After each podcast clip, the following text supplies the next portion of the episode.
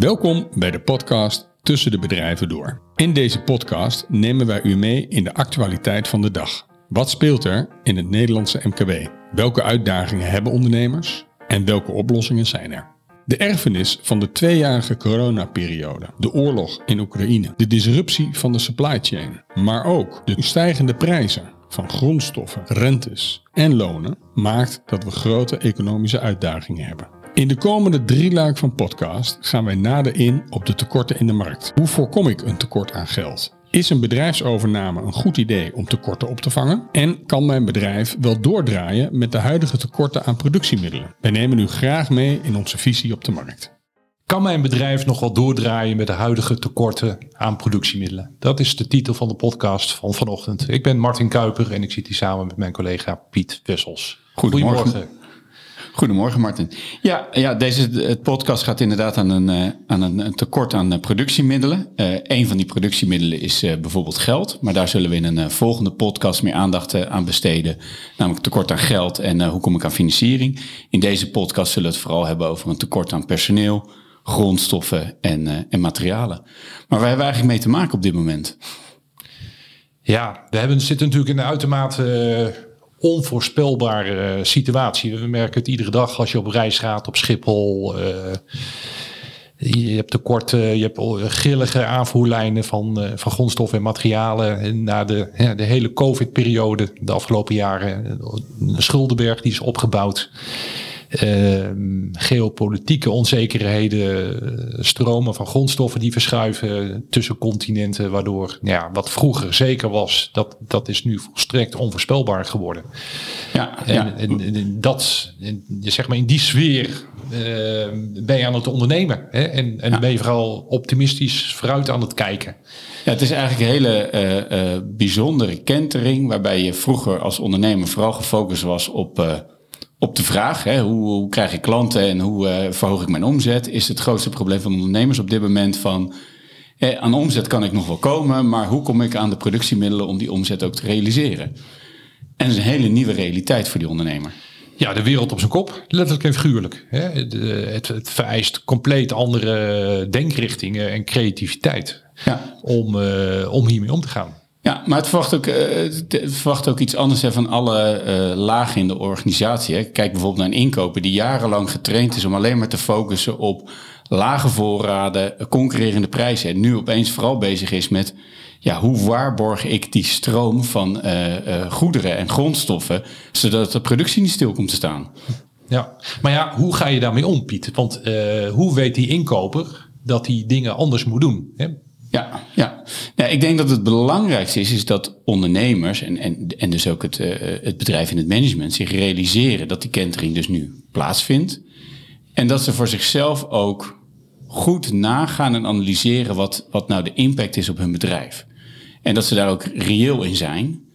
Um, en niet te veel kijken naar uh, de lessen uit het verleden, maar vooral kijken van ja, wat is nu voor mij de situatie? Uh, wat gebeurt er in mijn bedrijf met het tekort aan personeel? En wat doet dat met mijn bedrijf? Ja, want heb jij voor ons luisteraars de gouden tip? Hoe kom ik aan personeel?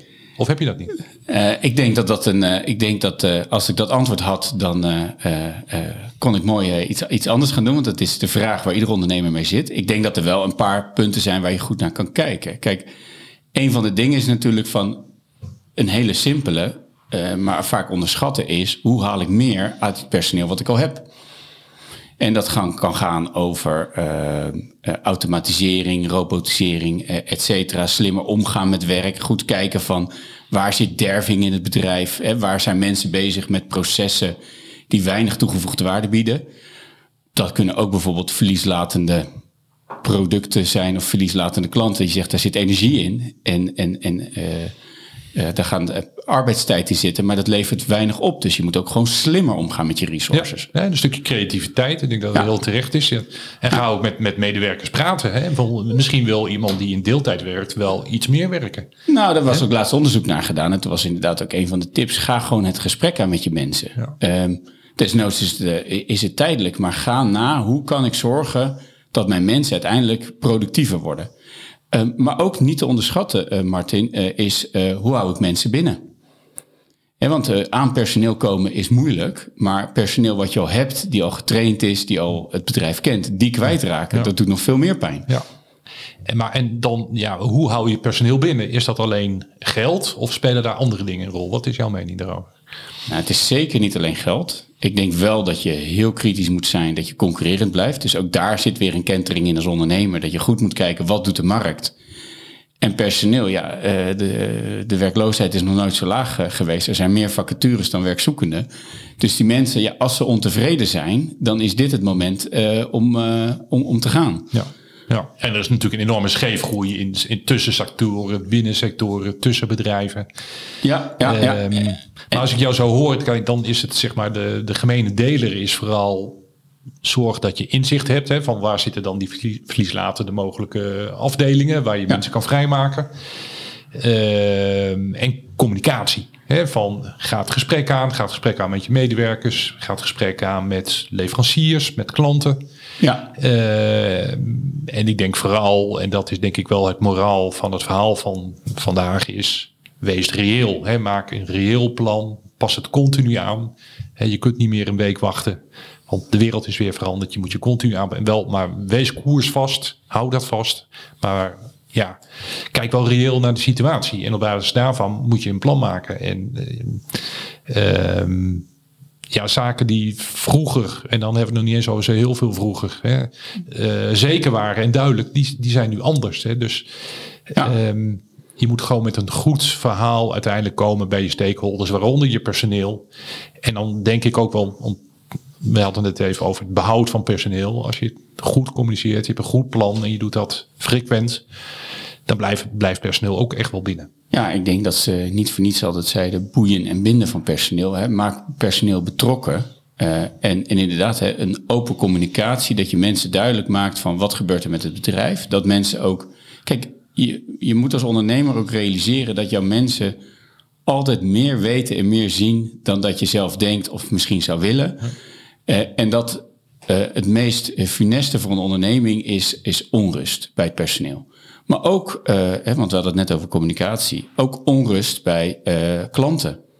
Het niet duidelijk communiceren van uh, kan je voldoen aan de vraag. De klant is ook jarenlang gewoon uh, gewend dat hij een vraag neerlegt en dat het de product of de dienst tijdig geleverd wordt.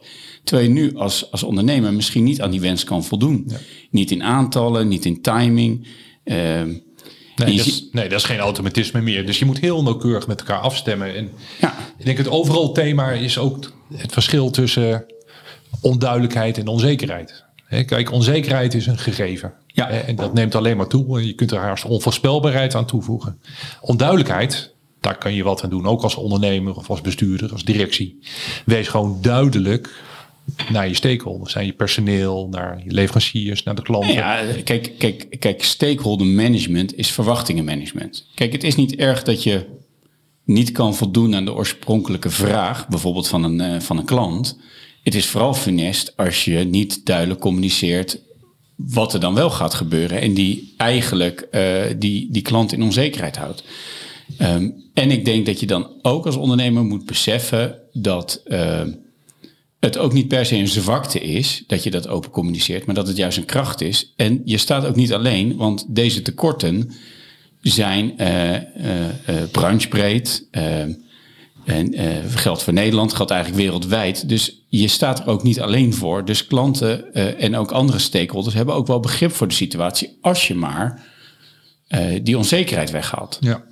Nou ja, we hebben nou deze, zeg maar, de, ontwikkelingen besproken binnen, binnen bedrijven, eh, gericht op personeel en, en, en grondstof en materialen. Maar waar leidt dat nu toe? En als je gewoon in een bedrijf zit, je kijkt naar je winst- en verliesrekening, naar je, de bankstand, waar, waar, wat, wat voor problematiek zie je dan? Wat voor pijn wordt er geleden op dit moment? Denk je? Nou, ik denk dat, kijk, als je bijvoorbeeld inzoomt op personeelstekorten en ontwikkelingen, dan zou je zien dat het behouden en ook het binnenkrijgen van nieuw personeel, dat dat zal moeizaam zijn. Dus dat betekent ook dat in je groeiverwachtingen, dat die getemperd zullen worden, omdat er gewoon een gebrek is aan personeel om het werk uit te voeren. Daarnaast geldt natuurlijk ook dat personeel dan uh, ook duurder zal worden. En dan hebben we het niet alleen over de CAO-onderhandelingen die we allemaal in de krant kunnen lezen. Uh, maar dan heb je het ook gewoon over de onderhandelingen op de werkvloer van personeel wat inderdaad een aanbod krijgt van de concurrent die de stoute schoenen aantrekt en jouw personeel gaat, uh, gaat bellen of mailen. Hè, dus die ontwikkeling uh, zou je zien. En, en, qua grondstoffen gaat het natuurlijk over de beschikbaarheid. Wat ook weer een rem zet uiteindelijk op je, op je groei. Um, maar ook op de winstgevendheid, omdat die grondstoffen duurder worden. En, en dan is de vraag in hoeverre kan dat doorbelast worden aan de klant.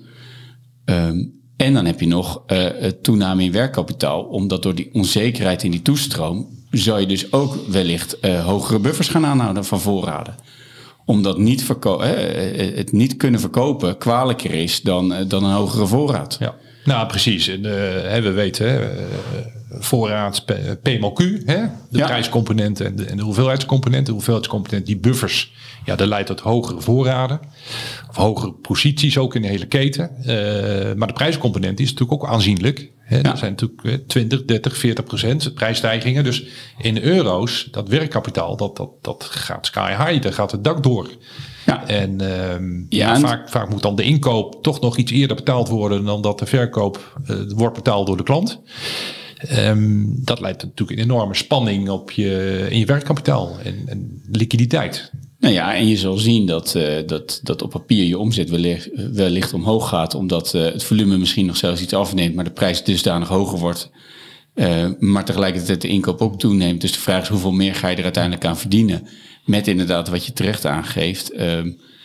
alle posities op de balans, debiteuren, crediteuren, voorraden, verhogen. Wat uiteindelijk leidt tot een hogere financieringsbehoefte. Ja. En kan je dat betalen? Ja. Maar mag je nog even een tussenvraag stellen? Want we hebben het nu over prijsstijgingen, tekorten. Maar wat nou als het weer heel andersom is? Ik bedoel, het is onvoorspelbaar. Vanmiddag gaan de prijzen naar beneden. je ziet het al, uh, we nemen deze podcast uh, eind juni op. Bepaalde prijzen van materialen dalen inmiddels. Um, wordt het verhaal heel anders? De problematiek en de pijn. Dat is een, een goede vraag. Ik denk dat zeker dat, dat op bepaalde vlakken de problematiek weer anders wordt. Alleen de aanpak wordt niet anders. want het gaat nog steeds over dat je als, als bedrijf goed continu in gesprek blijft intern met de mensen, met de stakeholders van wat gebeurt er en wat is dan de impact van die verandering die dan weer plaatsvindt. En dat kan van alles zijn. Hè? Dat kan zijn uh, dat inderdaad prijs omhoog gaan, prijs omlaag gaan. Uh, dat, dat wetregelgeving verandert. Ik bedoel, kijk naar de hele stikstofproblematiek. Hè, dat komt er ook nog eens overheen. Dus er is eigenlijk altijd wel wat. En dan is vooral de vraag van, ben je daar als ondernemer bewust van? En ben je er bewust mee bezig wat dan de impact is op jouw bedrijf? En wat dan op dat moment de beste uh, uh, oplossing of plan van aanpak is? Ja, ja ik ben het met je eens hoor. De, die aanpak verandert niet. Hè? Um, dus scherp blijven, inzicht hebben en toch periodiek die strategie herijken, met elkaar bespreken en uitstralen, eh, communiceren in de organisatie. Bijvoorbeeld naar die inkoper die misschien iets anders moet doen, maar die moet ook ja, weten wat, wat de richting is. Hè. Gaan we vandaag naar links of gaan we naar rechts? Ja. Um, dus die aanpak die verandert niet. Hè. Um, en wat, ja, dan komen we eigenlijk dan zeg maar bij het volgende punt van ja, wat is dan de weg naar voren? Hoe, hoe kom je uit deze, nou, deze squeeze? Want je zit tussen nou ja, de nalatenschap van COVID. vele sectoren hebben te maken met een hoge schuld. Dat moet binnenkort worden afgelost. Misschien dat de overheid nog andere maatregelen gaat nemen. Maar ja, dat zijn allemaal veronderstellingen. Maar hoe je het wet verkeerd, die schulden moeten worden terugbetaald op een of andere manier verdiencapaciteit staat eigenlijk onder druk hè, door mhm. al dit soort zaken. Ehm, en door de huidige schuldenberg en de aflossingen die daaruit voortvloeien de komende jaren, zal, zal de mogelijkheden tot investering ook afnemen. Ja, dus groeien, ja, eh, investeren en, en, en groeien in werkkapitaal en groei leidt tot werkkapitaal, extra werkkapitaal. Ja, er is helemaal geen geld voor. Nee. En hoe, hoe ga je dat dan, dan doen op, op zo'n moment? Wat, wat zou jij de gemiddelde ondernemer willen adviseren daarin? Wat zou dan de aanpak zijn? Nou ja, kijk, ik denk ten eerste, en dan komen we weer op het planmatig werken, uh, een heldere strategie. Vertaald naar een heldere uh, financials. Hè, dus, dus een forecast van je, van, je, van je resultaten, maar ook zeker een forecast van je werkkapitaal en, en, en investeringsbehoeften. En, en dan het gesprek aangaan met, eh, met financiers, maar ook creatief nadenken over eh, andere financieringsoplossingen om toch eh, je hoofd boven water te houden. Ja. Kijk, want als, je, als we heel even daarop inzoomen, er zijn natuurlijk ruimhartige regelingen hè, al aangeboden hè, door de Belastingdienst, door het UFV, eh, RVO, hè, die de TVL-regeling uitvoert. Ja, nou, ik, denk, ik denk ook dat, dat, dat eh, de schuldenberg die ontstaan is in, in corona, ook voor een aantal ondernemers eh, eh, te veel zou zijn. Ja. Maar hoe ga je daarmee om, eh, Martin? Nou ja, ehm, kijk, de aanpak is denk ik belangrijk. Hè? Dus heb een heldere business case, dat je weet waar je het over hebt. Want jij als ondernemer of als bestuurder, ehm, jij kent de markt eh, als geen andere, weet waar de risico's zitten, de, de, de ontwikkeling. Dus als je een goed plan hebt en dat goed communiceert, dan heb je ook een goed beeld van de toekomst. En op basis daarvan ja, moet je gewoon zakelijk, moreel en reëel kijken van ja, wat kan ik überhaupt nog, eh, wat kan ik nog betalen, wat kan ik nog aflossen in de toekomst. Hè? Dus Ja. En, en als je dan niet aan je, eh, en als je dan voorziet dat je niet kan eh, voldoen aan die eh, aflossingsdruk, wat, wat zijn dan nog de mogelijkheden voor een ondernemer? nou, ga in gesprek met die schuldeisers. Ja, Hè? Eh, maak hen deelgenoot van de problematiek en vooral van wat is jouw plan om eruit te komen. En ik weet zeker dat heel veel leveranciers en, en, en, en crediteuren, schuldeisers, eh, hun hulp aanbieden als ze dat kunnen. Ja. Hè? En, En, eh, en, als je nu kijkt even naar, eh, naar, naar de gemiddelde klant, waar, waar zit de schuldenproblematiek dan voornamelijk?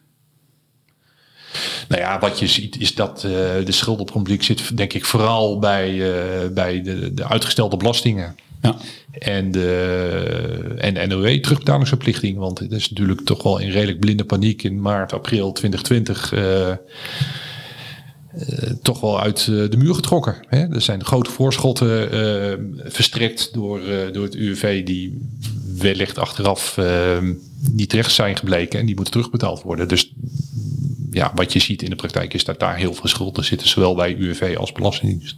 ja, En, en, en zeg maar in de, in de handelsketen, eh, daar ontstaan natuurlijk ook achterstanden. Maar ja, leveranciers leveren gewoon niet meer als je niet betaalt. Hè. Dus dat, dat, die problematiek is denk ik, even generiek gesproken, beperkt. Hè. De, belangrijkste pijn zit denk ik vooral bij de uitgestelde belastingen en, ja. en terugbetalingsverplichting eh, eh, NOW en TVL. Ja, ja, en ook daar is ons advies weer: ga het gesprek aan met die partijen, met die stakeholders. Exact, want eh, we komen daar in de volgende podcast op terug van eh, hoe ga je daar qua financiering, hoe ga je aan tekort aan geld, hoe ga je, ga je daarmee om? Ehm, er zijn allerlei middelen, hè, maar ga vooral het gesprek aan, heb een goed plan. Ehm, en dan zijn er allerlei methoden en tools om daarmee om te gaan. Hè, en zodat je je bedrijf kan voortzetten. En misschien niet je volledige bedrijf, maar maar een deel. Hè? Of, of, je, je, gaat- of je ontwikkelt iets nieuws. Dus, dus ehm, je moet in ieder geval niet voor blijven modderen. Eh, want er zijn meer dan 200.000 bedrijven met, met forse achterstanden en schulden. Ehm, en van tijd tot tijd horen we van de overheid natuurlijk ook hè, wat, voor, wat, wat hun verwachting is, wat hun recovery verwachting is, wat Ja. de- die uitgestelde belastingen dat die terugkomen. Nou, die was al bijgesteld van 10 naar 30 procent. Nou, ik durf voor voorspelling wel aan dat dat percentage nog hoger gaat worden. Hetzelfde geldt voor dat NOW-geld. Eh, je moet gewoon reëel kijken op een bepaald moment naar de toekomst. Het verleden is het verleden. Ik denk dat al die maatregelen zijn heel erg goed geweest. Het bloed was vele malen groter geweest. Eh, maar je moet ook wel reëel kijken naar de toekomst. Wat is, Ja. wat is haalbaar en wat is niet haalbaar? En dat begint bij die aanpak wat jij terecht zegt. Ja, dus, dus onze conclusie op, op de oorspronkelijke vraag waar we de podcast mee begonnen zijn. eh, hoe eh, kan mijn bedrijf eh, overleven en doorgaan met de huidige tekorten? Ons advies is eigenlijk, ja dat kan. Mits je voor jezelf reële verwachtingen schept hoe die tekorten impact hebben op de bedrijfsvoering. Ehm, hoe je met die tekorten om moet gaan, eh, wat dat uiteindelijk voor effect heeft op eh, eh, het resultaat, de financiering, hoe om te gaan met stakeholders. Als je dat reëel in kaart brengt, goed planmatig werkt, komt tot een businessplan wat misschien kleiner is dan het huidige plan, in een afgeslankte vorm, maar wel reëel, dan het gesprek aangaan met, met de diverse stakeholders, personeel, leveranciers, klanten en je financiers, dan uh, kan je zeker door als bedrijf. Absoluut. Ik denk dat die vraag moeten we vol, volmondig met ja beantwoorden. Wat ook kan, is dat je misschien tot een conclusie moet komen. Dat je moet stoppen. Hè? Dat, uh, ook daar zijn tools voor om te stoppen op een goede manier met zo weinig mogelijk schade. Uh, maar ja, dat is uh, eigenlijk ja. de conclusie is van ja, je moet toekomstbestendig zijn. Hè? Dat, dat moeten bedrijven natuurlijk al oude eeuwen. Um, maar onder deze extreme situatie, onder deze extreme omstandigheden, is dat eens te meer duidelijk. En iedereen begrijpt um, dat je dit soort dingen moet doen. En daar zullen de, de onderscheiden de winnaars zich uiteindelijk straks van de verliezers. Ja, nou, dat uh, lijkt me een mooie afsluiter van deze podcast. Nou, Dankjewel. Graag gedaan. Tot de volgende keer. Tot de volgende keer. Dag.